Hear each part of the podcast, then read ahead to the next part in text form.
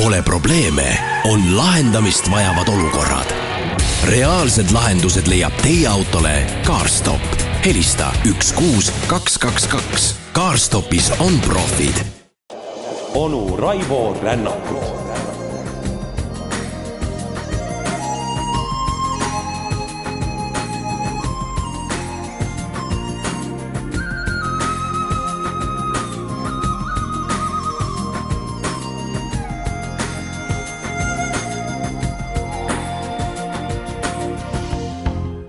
ja ma tervitan kõiki teid, kes te ei ole läinud välja seda chill factory't otsima, vaid olete mõnusalt kodus ning jälgite läbi aknaruudu, kuidas loodusjõud möllavad. ning meie möllame tulevikuennustuste radadel, kus aasta algusele kohaselt võtsin ma ette ilmselt maailma kõige kuulsama ennustaja Nostradamuse säärased ettevõtmised ning rääkisime eelmisel pühapäeval nii tema elukäigust kui ka sellest, mida kujutasid endast temad, tema need va-, katraanid ehk siis prantsuse keelest kaater tulevad neljarealised salmid, mida on üritatud lahti muukida ning mulle tundub, et tehtud üpriski tõhusalt.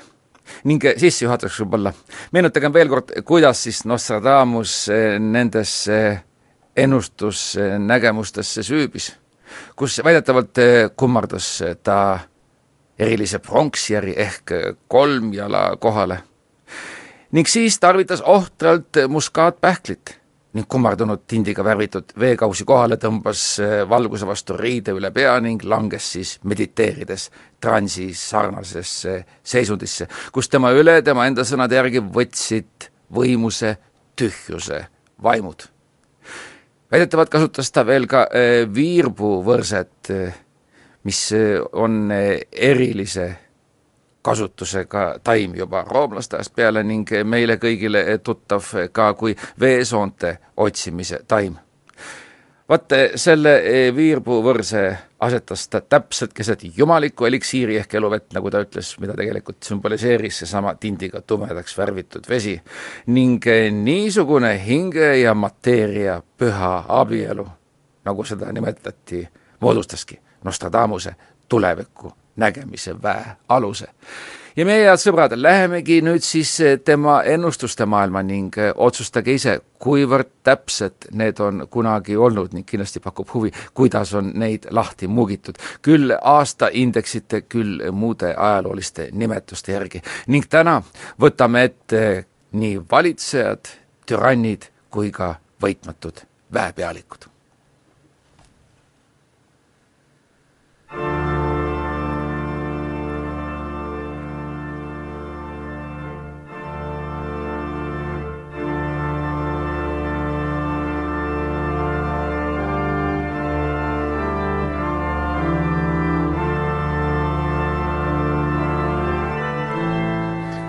ning siit tuleb esimene. seitse aastat Felipe õnn õitseb. ta kahandab araablaste väge, aga siis keset edu pöördub kõik karmilt ta vastu. noor põrundpea ta tulevikku hävitab. niisiis on juttu Hispaania kuningas Felipe teisest kes väidetavalt äh, võidab äh, araablasi ning äh, siis pöördub kõik tema vastu ning keegi noor põrundpea hävitab kõik tema tulevikuplaanid ning see mees on üpriski aktuaalne, kus praegu nii mitmedki Euroopa riigid on kriisikütkes ning ühte ähvardab tõepoolest pankrot. ning just nimelt Hispaania riik oli renessansi ajal lausa mitu korda pankrotis ning tegemist on meil aastaindeksiga kaheksakümmend üheksa ning eh, see viibki siis Hispaania kuninga Felipe ning aastaarvu tuhat viissada kaheksakümmend üheksa juurde. ning kui rääkida sellest valitsejast, siis pärast üpriski eh, abitut algust, kui Hispaaniat masendas esimene suur kriis ja pankrot ehk ränk inflatsioon ning eh, Felipe andis sellele veel nii-öelda hagu alla olles fanaatiline lambakasvatuse pooldaja ning selle läbi muutus riik hoopiski toiduainete sissevedajaks. ning päästis teda tegelikult eh, maadeavastajate ja konkistadooride üpriski hulljulge tegutsemine, mis tõi Hispaaniasse kullavood ning päästis selle riigi esimesest pankrotist. ning see periood lõppes äkitselt pärast äh, Šoti kuninganna Mary ehk Mary Stewarti, kes toob troonile Stewartit ning kas sellest jõuame me täna rääkida, pärast sellesama Mary hukkamist tuhande viiesaja kaheksakümne seitsmendal aastal. aga Felipe ise süvendas veel seda häda, sest nagu me teame, saatis ta Inglismaale oma armaadasid, mis kõik hävisid ning viisid riigi tõelisesse pankrotti ning olgu siin kõrval märkusena öeldud, et just sellepärast ongi paljudel saarlastel pruunid silmad ning ilmselt paljud teavad, millest see on tulnud, kuid ikkagi nüüd Katräänide juurde. Katrääni teine rida räägib, kuidas kuningas kahandab araablaste väge.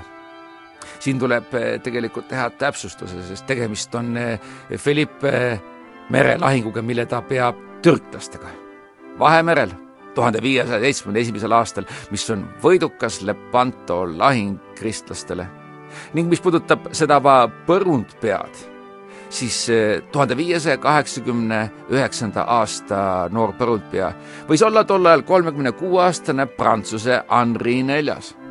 Navarra Henri, Henri Kaater, nagu prantslased seda ütlesid, ning olgu siis meenutatud, et see oli seesama Henri, kellele Nostradamus osutas, kui ta lapsena magas, et just temast saab Prantsuse valitseja ning veel olgu lisatud, et seesama Felipe oli selle põrundpea Henri'ga kuni surmani kibedas riius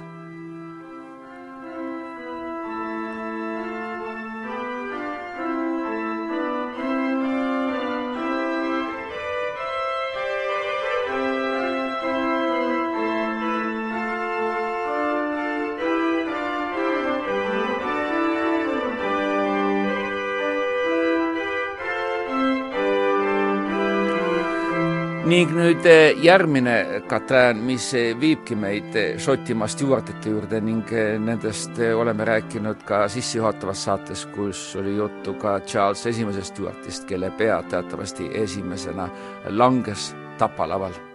ning Katrin on järgmine. kuulsa ja vihatud printsi noorim poeg. suure kõlvatuse märgi saab kahekümneselt külge.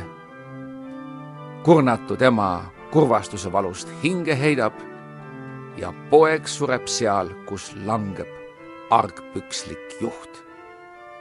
niisiis üpriski segane Katrin ning olgu öeldud, et kurnatud ema ei ole mitte Mary Stewart, kelle pea langeb tapalabal, vaid hoopiski eh, Mary poja James esimese eh, Stewarti abikaasa, kuid kui vaadata eh, prantsusekeelset rida, mis kõlab järgmised De lèpre aura avant un grand tâche, siis just nimelt see de lèpre on prantsuse keeles pidalitõbi, kuid piltlikult tähendab ka kõlvatust. ning aastaindeks seitse annab meile veel ka teise võtme, sest et Inglise kuninga James Esimese eh, noorim poeg oligi seesama, kellest juba räägitud, tulevane kuningas Charles, kes oli noorim poeg, kuid tema noorem vend oli lapsena surnud ning vanem vend heitis hinge kaheksateistkümneaastaselt kõhutüüfuse tagajärjel. ning see kuulus ja vihatud prints peegeldab äärmist rahulolematust, mida äratas kuningas James esimese tuhande kuuesaja seitsmenda aasta neljanda juuli otsus saata parlament laiali mis teatavasti ei toetanud Šotimaaga uniooni loomist, oli ju kuningas šotlane ning selle läbi üritas ta otse loomulikult tõsta Šotimaa staatust. ning eh, tema poja Charlesi ema, Taani Ann, ongi seesama kurnatud ema, kes kurvastuse valust hinge heidab ning kes tõesti pärast eh, pikka põdemist, tema kohta muide öeldi, et sees kõik kahjustatud iseäranis maks tema suri tuhande kuuesaja üheksateistkümnendal aastal, kuid Charles, keda ta muide kõige vähem armastas ning täitis vaid abielunaise kohustusi, oli kõigest kahekümneseks saamas. seega kirjeldab see eh, üpriski pealtnäha segane Katrin üpriski täpselt James Esimese, tema naise Taani Anni ja nende kurva saatusega poja, tulevase Charles Esimese keerukat saatust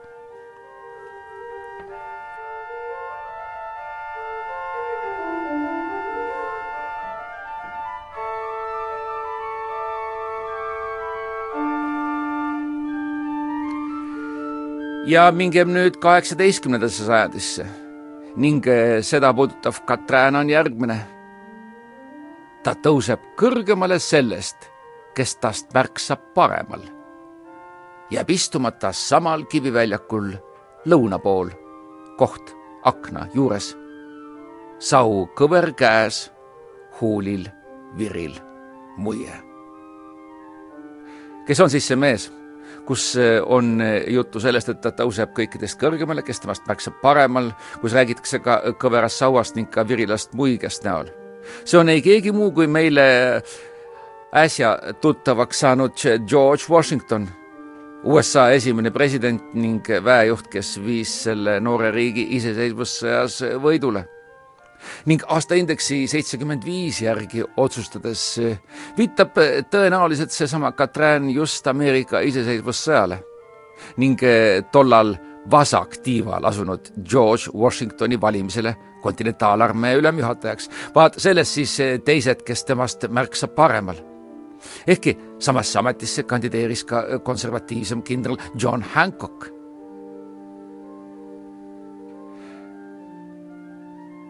veel räägitakse sündmusest, mis leidis aset viieteistkümnendal juunil tuhande seitsmesaja seitsmekümne viiendal aastal, kus muide USA teine president John Adams mängis äärmiselt kaalutletud mängu, seades lõunast ehk nagu me teame juba Virginiast pärit Washingtoni hoopiski põhjapoolsetest väeüksustest koosneva armee ülemjuhatajaks.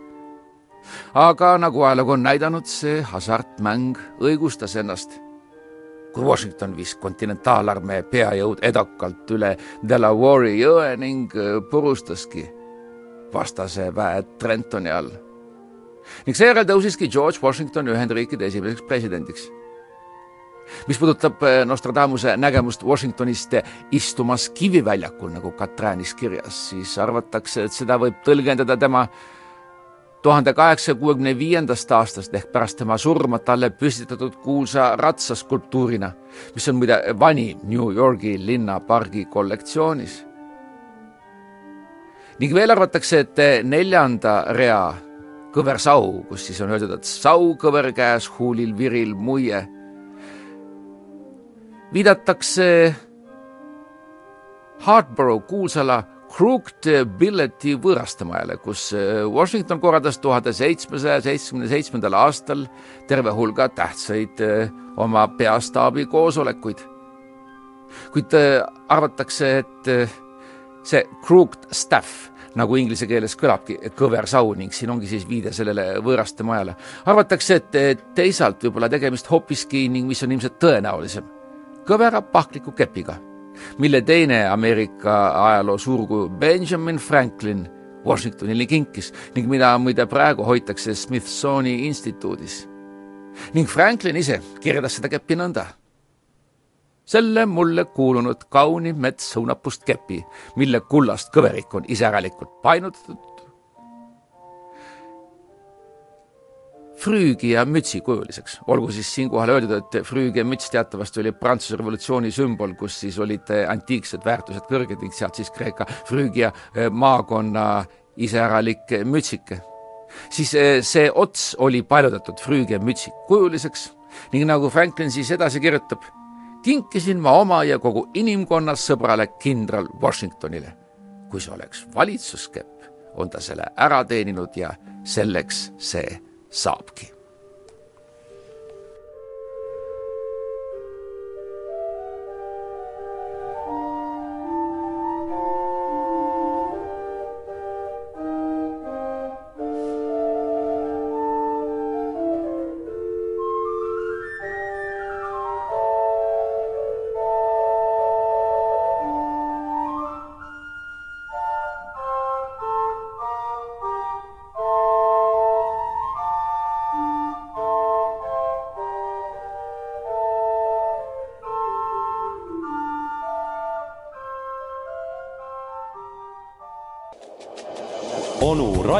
rännakud.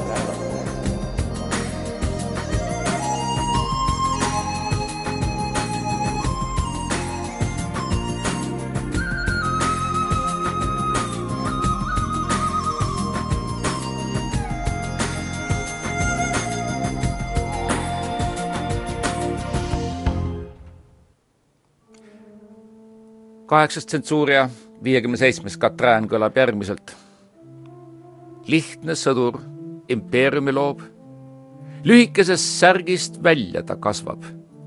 võitlus valmis kiriku rüpes või koguni hullem, preestreid häirib, nagu tainast rikub üleärune vesi ja see viiekümne seitsmes Katrään viib meid aastasse tuhat seitsesada viiskümmend seitse. siin on mainitud eh, lihtsat sõdurit eh, ning selleks oli ju teatavasti Esimese maailmasõja ajal ka Adolf Hitler, kuid paraku ei ole see tema, ehkki tema juurde me täna ka jõuame, vaid eh, hoopiski aastaindeksiga sobiv Preisi kuningas Friedrich, ajalukku läinud kui Friedrich Suur kelle isa painas nii võitmatu kinnisidee teha pojast sõdur, et ta olla käskinud lapsele igal hommikul eh, suurtüki mürinaga äratust teha. ning eh, andis ta temale kogunisti kuueaastaselt eh, trillimiseks terve laste rügemendi ning nagu ajalugu on näidanud, töötas see tõhusalt ning ajalukku on ta läinud kui suur väejuht ning suur eeskuju kas või Vene keisrile Paul Esimesele tuhande viiesaja, tuhande seitsmesaja viiekümne seitsmenda aasta osutus oli aga Friedrichile pöördeline, sest just siis saavutas ta oma võidud Praha, Rosbachi ja Leutheni all. see viide aga, kus räägitakse, et preestreid häirib nagu tainast rikub ülearune vesi, siis arvatakse, et seda võis põhjustada tema, väljendugem nüüd siis äärmiselt täpselt intellektuaalne oikumeenilisus. mis tähendab seda, et eh, vaadatakse kõike religioonide üleselt ehk tegelikult eh, läbi erinevate religioonide perspektiivi, niivõrd kaasaegne vaatevinkel, mis tol ajal loomulikult oli lausa ennekuulmatu, kuid ärgem unustagem ära, et tegemist oli valgustatud monarhiga ning kes oli ka Voltaire'i enda lähedane sõber. ning see mees tõesti vaatas kõike justkui summeerides religioone, nii võttis ta meelsasti vastu küll jesuiite, küll hugenotte, kogunisti uskuge või mitte, tol ajal juute, moslemeid ja kõiki teisi kooslusi. ning hiljem ütles ta ise, et kõik religioonid on võrdsed ja head ning seni, kuni nende kummardajad on ausad inimesed ja tahavad elada meie maal, olgu nad türklased või paganad, ehitame neile mošeesid ja kirikuid no lausa uskumatu, lausa kahekümne esimesele sajandile iseloomulik positsioon. ning see võis tolle aja mõistes tõesti olla seva rikutud tainas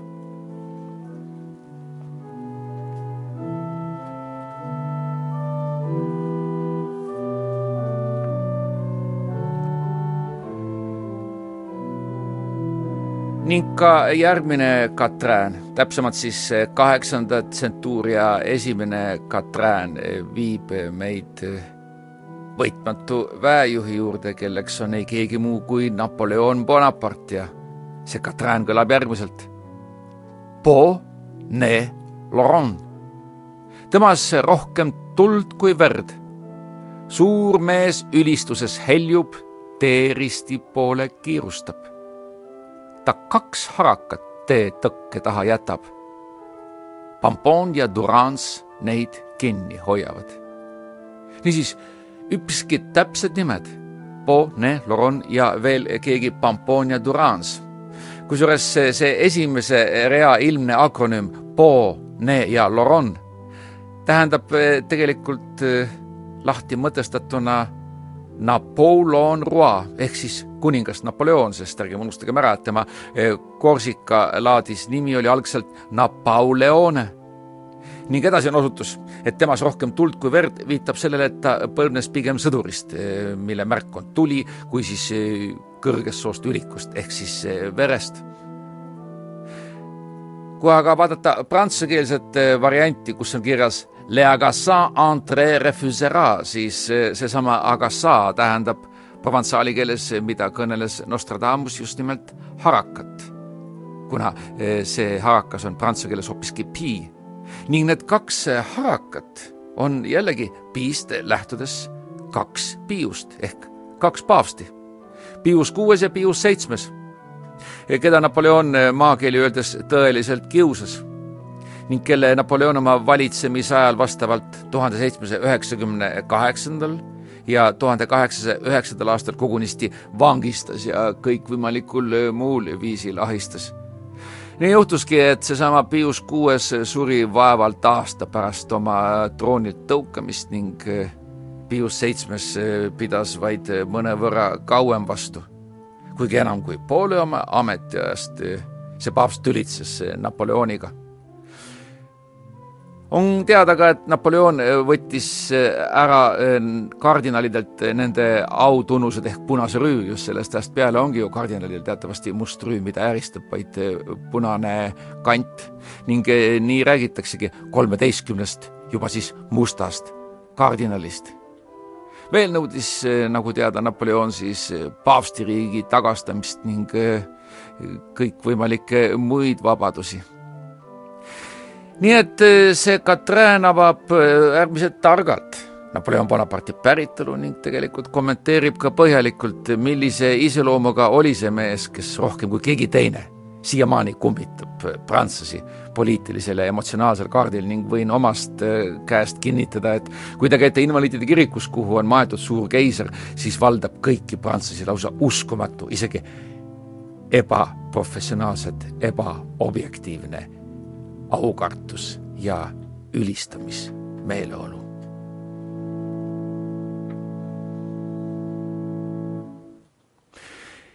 ja nüüd teine tsentuuria ning üheteistkümnes Katrin, mis viib meid aastasse tuhat kaheksasada üksteist ning on järgmine. poeg järgmine oma vanemast ette jõuab, erakordsel viisil valitsejaks saab ta kuulsus karm kõigil hirmu peale sunnib. ilma peale tal lapsed lähevad. ning me jääme samasse ajajärku.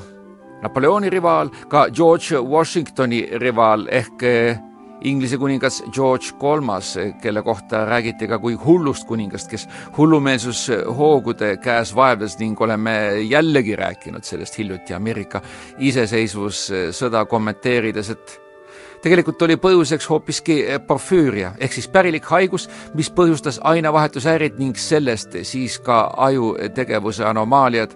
ning sellesse haigusesse George Kolmas haigestus tuhande kaheksakümnendal aastal, seda raviti üpriski drakooniliste meetoditega tol ajal ning muide saavutati ka teatud edu, sest eh, mingitel hetkedel George Kolmas paranes oma hallutsinatsioonidest. kuid ikkagi tema tervisehäired olid nii rängad, et eh, kui vaadata esimest rida, poeg järgmine oma vanemast ette jõuab, siis määraski parlament uue asjavalitsuse aktiga troonile hoopiski eh, George eh, kolmanda poja, George Augustus Frederiki ehk mitte küll kuningaks, kuid ikkagi kuninga ametikohuste täiteks ehk printsregendiks ning selle poja puhul ongi tegemist Karmi kuulsuse lapsega, kes oli liiderlik ja põikpäine ning kes olla muide tuhande seitsmesaja kaheksakümne viiendal aastal lausa salaja abiellunud, lausa ennekuulmatu, kaks korda leseks jäänud Rooma katoliku usku, mis siis Fitzherbertiga. nüüd kui vaadata kolmandat rida, ta kuulsus karm kõigil hirmu peale sunnib, siis äh, seda abielu oli ammu tühiseks peetud ning selle sõlmimiseks puudus ka isa kuninglik nõusolek.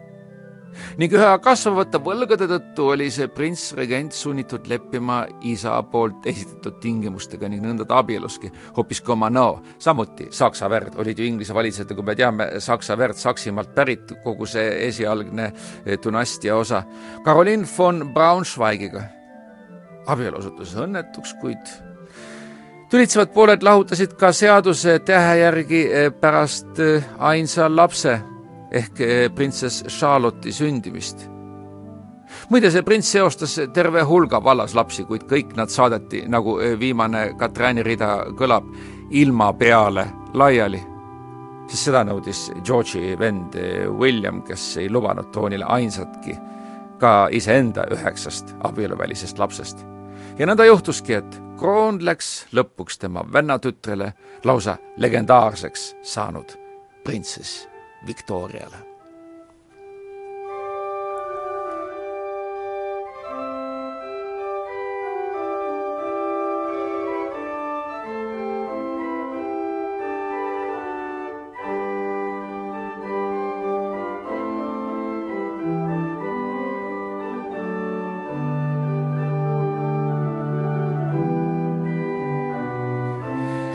sedapuhku jätame siis hüvasti pisut kaugemate aegadega ning vaatame lähiajalukku ning õige pea tuleb meil juttu nii Hitlerist, Leninist kui ka kindral Francost.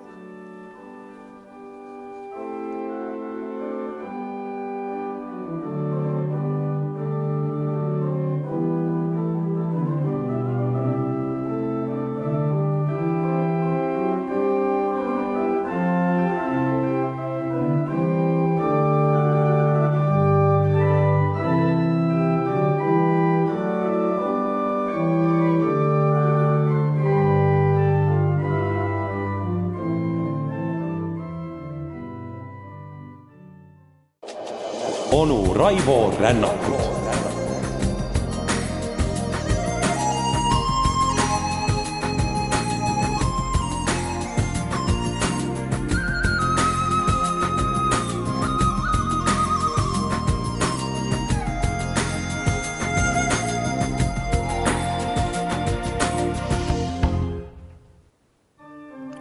teine tsentuuria kahekümnes Katrään. vendi õdesid paljudes paikades vangi pandi. monarhi pilgu alt nad mööduvad. ta pingsab pilguga neid seirab. ei meeldi märgid laubal, ninal, põskedel.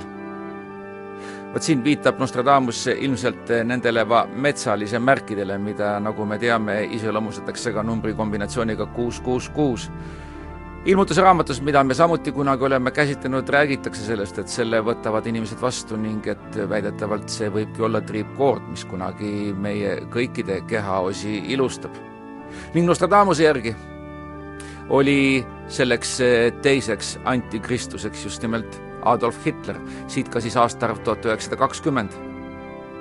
seega peame selle Katrääni seletust otsimagi sellest samast aastast ning tegelikult selgub, et veebruaris tuhande üheksasaja kahekümnendal aastal esitaski Hitler Münchenis esimest korda oma natsionaalsotsialistlikku tegevuskava. ning see, uskuge või mitte, tugines suures osas Martin Luteri tekstidele, siit ka siis natside katoliikluse vastasus. eriti Martin Luteri traktaadile juutidest ja nende valedest, milles Luter jutlustas järgmist. põhjus miks ma siis ei taibanud, kui absurdne on see illusioon, see tähendab arvamus, nagu oleksid juudid tavalised inimolendid, peitub selles, et ainus väline märk, mida ma juutide juures meist erinevana tähele panin, oli nende kummaline religioon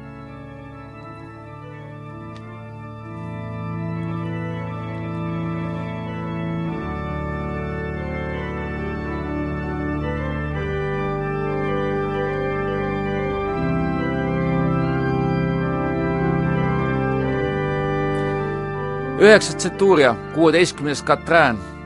aasta on tuhat üheksasada kolmkümmend kuus ning siit on pärit üks Nostradamuse kuulsamaid Katrääne. Franco rahvuskogu Kastiiliast minema kihutab. raevunud suursaadik õhutab vastuseisu.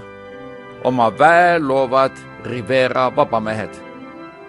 juhti ei lahte lubata tulla. eks siin mainitakse otse kindral Francisco Francot, kes oli teatavasti ise hakanud caudillo de España por la gracia de Dios ehk eh, nii andis ta endale ise kõrgelennulisele lausa jumaliku Hispaania valitseja tiitli.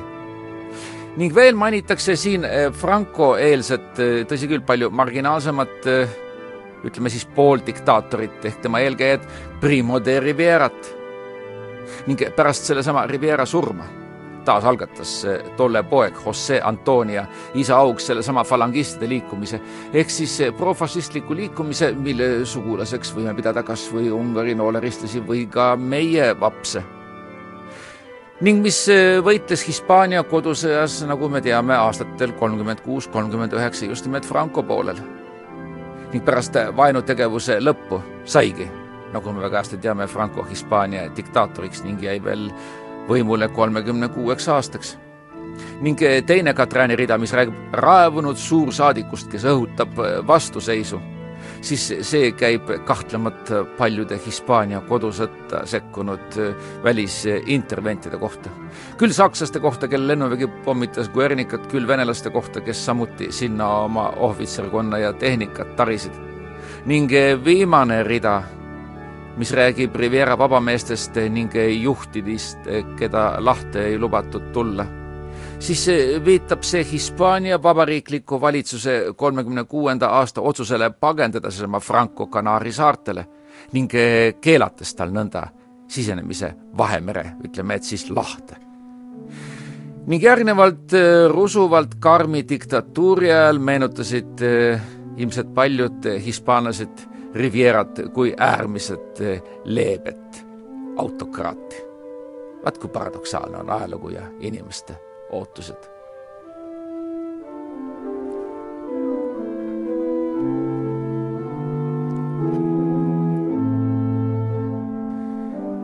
ning veel üks Katrin, mis jätab meid umbes samasse aega ning räägib, tõsi küll, mitte diktaatorist, vaid pigem vaprast väejuhist see on kaheksas tsentuur ja see on neljakümne esimene Katrin, mis viib meid aastasse tuhat üheksasada nelikümmend üks ning kõlab järgmiselt. rebane valitakse, ei ainuski vastu. rahva pühakuks saab, ainult leivast ennast elatab. varsti vandenõu järel türanni ohvriks langeb, tema kõril suured tallavad. ehk see imepärane Katrin aastaindeksiga nelikümmend üks ning koodsõna rebane eh, viitab otse loomulikult kõrberebasele ehk võitmatule tankikindralile Ervin Rommelile. on teada, et eh, neljakümne esimese aasta viieteistkümnendaks aprilliks eh, oli Rommel vallutanud kogu Liibüa ning tänu nii suurele edule valiti ta augustis tankigrupi Aafrika juhatajaks muide, huvitav on üks äh, väike episoodik, et äh, see tema kõrberebase hüüdnimi ehk Desert Fox, nagu teda inglased hüüdsid, on äh, seostatud veel ühe episoodiga, kus tema autot ründas ja teda ennast raskelt haavas Kanada kuninglike õhujõudude hävitaja Spitfire, mida piloteeris mees, kelle nimi oli Charlie Fox ning olgu öeldud, et Charlie'ks kutsutakse Inglismaa külades rebast, nagu meil umbes Reinu vaderit, nii et justkui oleks tegemist rebaste rebasega. ning seejärel kirjeldab Nostradamus Adolf Hitleri vastast vandenõud, kus siis räägitakse, kuidas vandenõu järel türanni ohvriks peakangelane langeb ning ka sellest, kuidas ülemad sundisid Rommelit enesetapule, kui kõik liiva jooksis. ning siit ka siis tema kõril suured tallavad. ning arvatakse veel, et võib-olla oli Rommel seotud ka Führeri kahekümnenda juuli tapmiskatsega. on, kuidas on.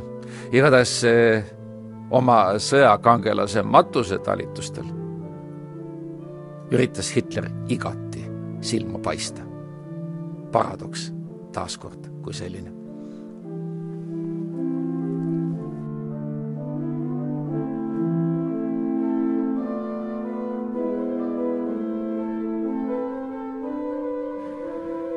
ning nüüd eh, meile midagi veelgi tuttavlikumat ning kui soovite, siis ka õõvastavamat ehk eh, viies tsentuuria. see on kahekümne neljas Katrin ning viib meid aastasse tuhat üheksasada kakskümmend neli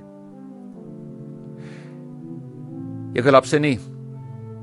nii võim kui ka seadus tõusnud Veenuse all, Saturni mõjukus Jupiteri üle, nii seadus kui ka võim tõusnud päikese toel.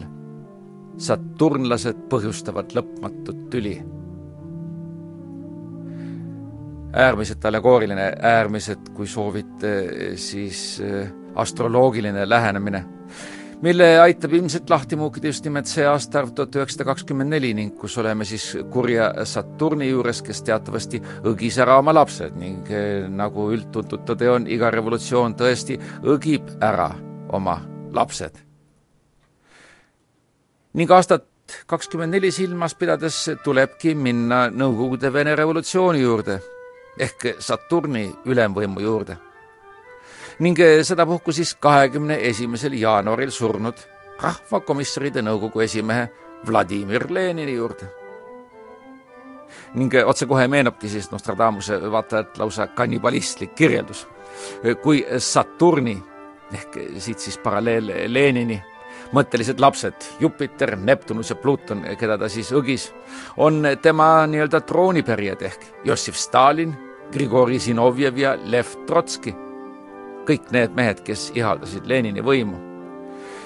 niisiis on see tõeliselt imepärane Katrin nii metafooriliselt kui ka aastaindeksi järgi äärmiselt täpne, kirjeldades võimuvõitlust Nõukogude Venemaal pärast Vladimir Lenini surma pärast eh, tuhande üheksasaja kahekümne neljanda aasta eh, korduvaid Leninit eh, räsinud rabandusi, mida põhjustasid kaks kuuli, mis olid teda tabanud muide tervelt kuus aastat varem, kolmekümnendal augustil tuhande üheksasaja kaheksateistkümnendal aastal ning kõik päädis, nagu juba siis öeldud, kahekümne neljandal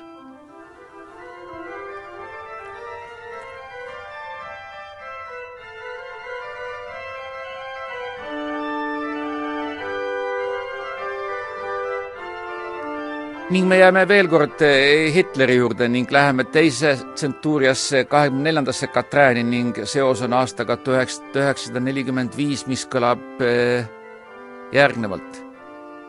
näljased metsloomad üle jõgede tungivad, peaaegu kogu maa on histeri vastu, suurmeest veetakse raudses puuris, Saksamaa Reini laps ei näe midagi. ning see täiesti õigustatult äärmiselt kuulus Katrään seob siis neli jõge Reini, Donau, Elbe ja Wisla. Katrin ühendab Adolf Hitleri ning ka Benito Mussolini ning eh, vihase ja julma Vene armee puhul ongi siis tegemist kogu maaga, mis eh, sellesama Histeri vastu on. kusjuures eh, Hister on tegelikult omaaegne Donau nimetus ning eh, siit ka siis otsene vihje, et Hitler tõesti sündis Donau lisajõe järel ehk siis kohakese nimega Branau am Inn ning kasvas selle kallastel lintsis ka üles. mis puudutab aga raudpuuri, siis siin on viide just nimelt tema paaris eh, rakendimehele ehk Mussolinile, keda tõesti võib seostada raudse puuriga, sest on teada, et pärast Mussolini ja tema armukese Clara Petacci mahalaskmist Itaalias Kooma järve ääres kõigest eh, kaks päeva enne Hitleri surma, veeti nende laibad Milanosse ning riputati Piazzale Loretol süütepommiga hävitatud bensiinijaama metallsõrestikule liha konksude otsa.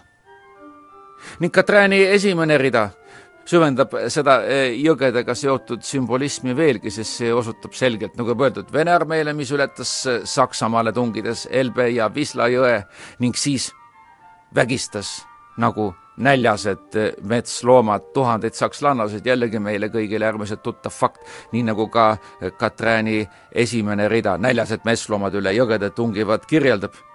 ning viimane rida, Saksamaa Reini laps ei näe midagi, on eriti painav, sest see näeb kajastavat miljonite sakslaste poolt korratud väidet, et nad ei teadnud mitte millestki mitte midagi, ei koonduslaagritest ega muudest õõvastavatest sündmustest ning siit ka siis kokkuvõte, et Saksamaa laps ei näe mitte midagi.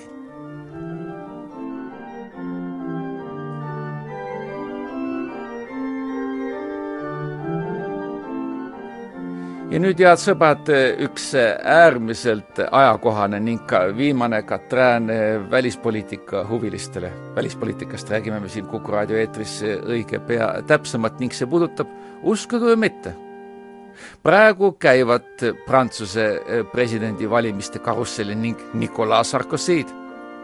see on kolmas tsentuuria, neljateistkümnes Katrin ning aastaks on, uskuge või mitte, kaks tuhat neliteist. näeb siis, kuidas läheb ning read on järgmised. vapra mehe sugupuu kaudu Prantsusmaa alamast osast pärit õnnetu isa poeg.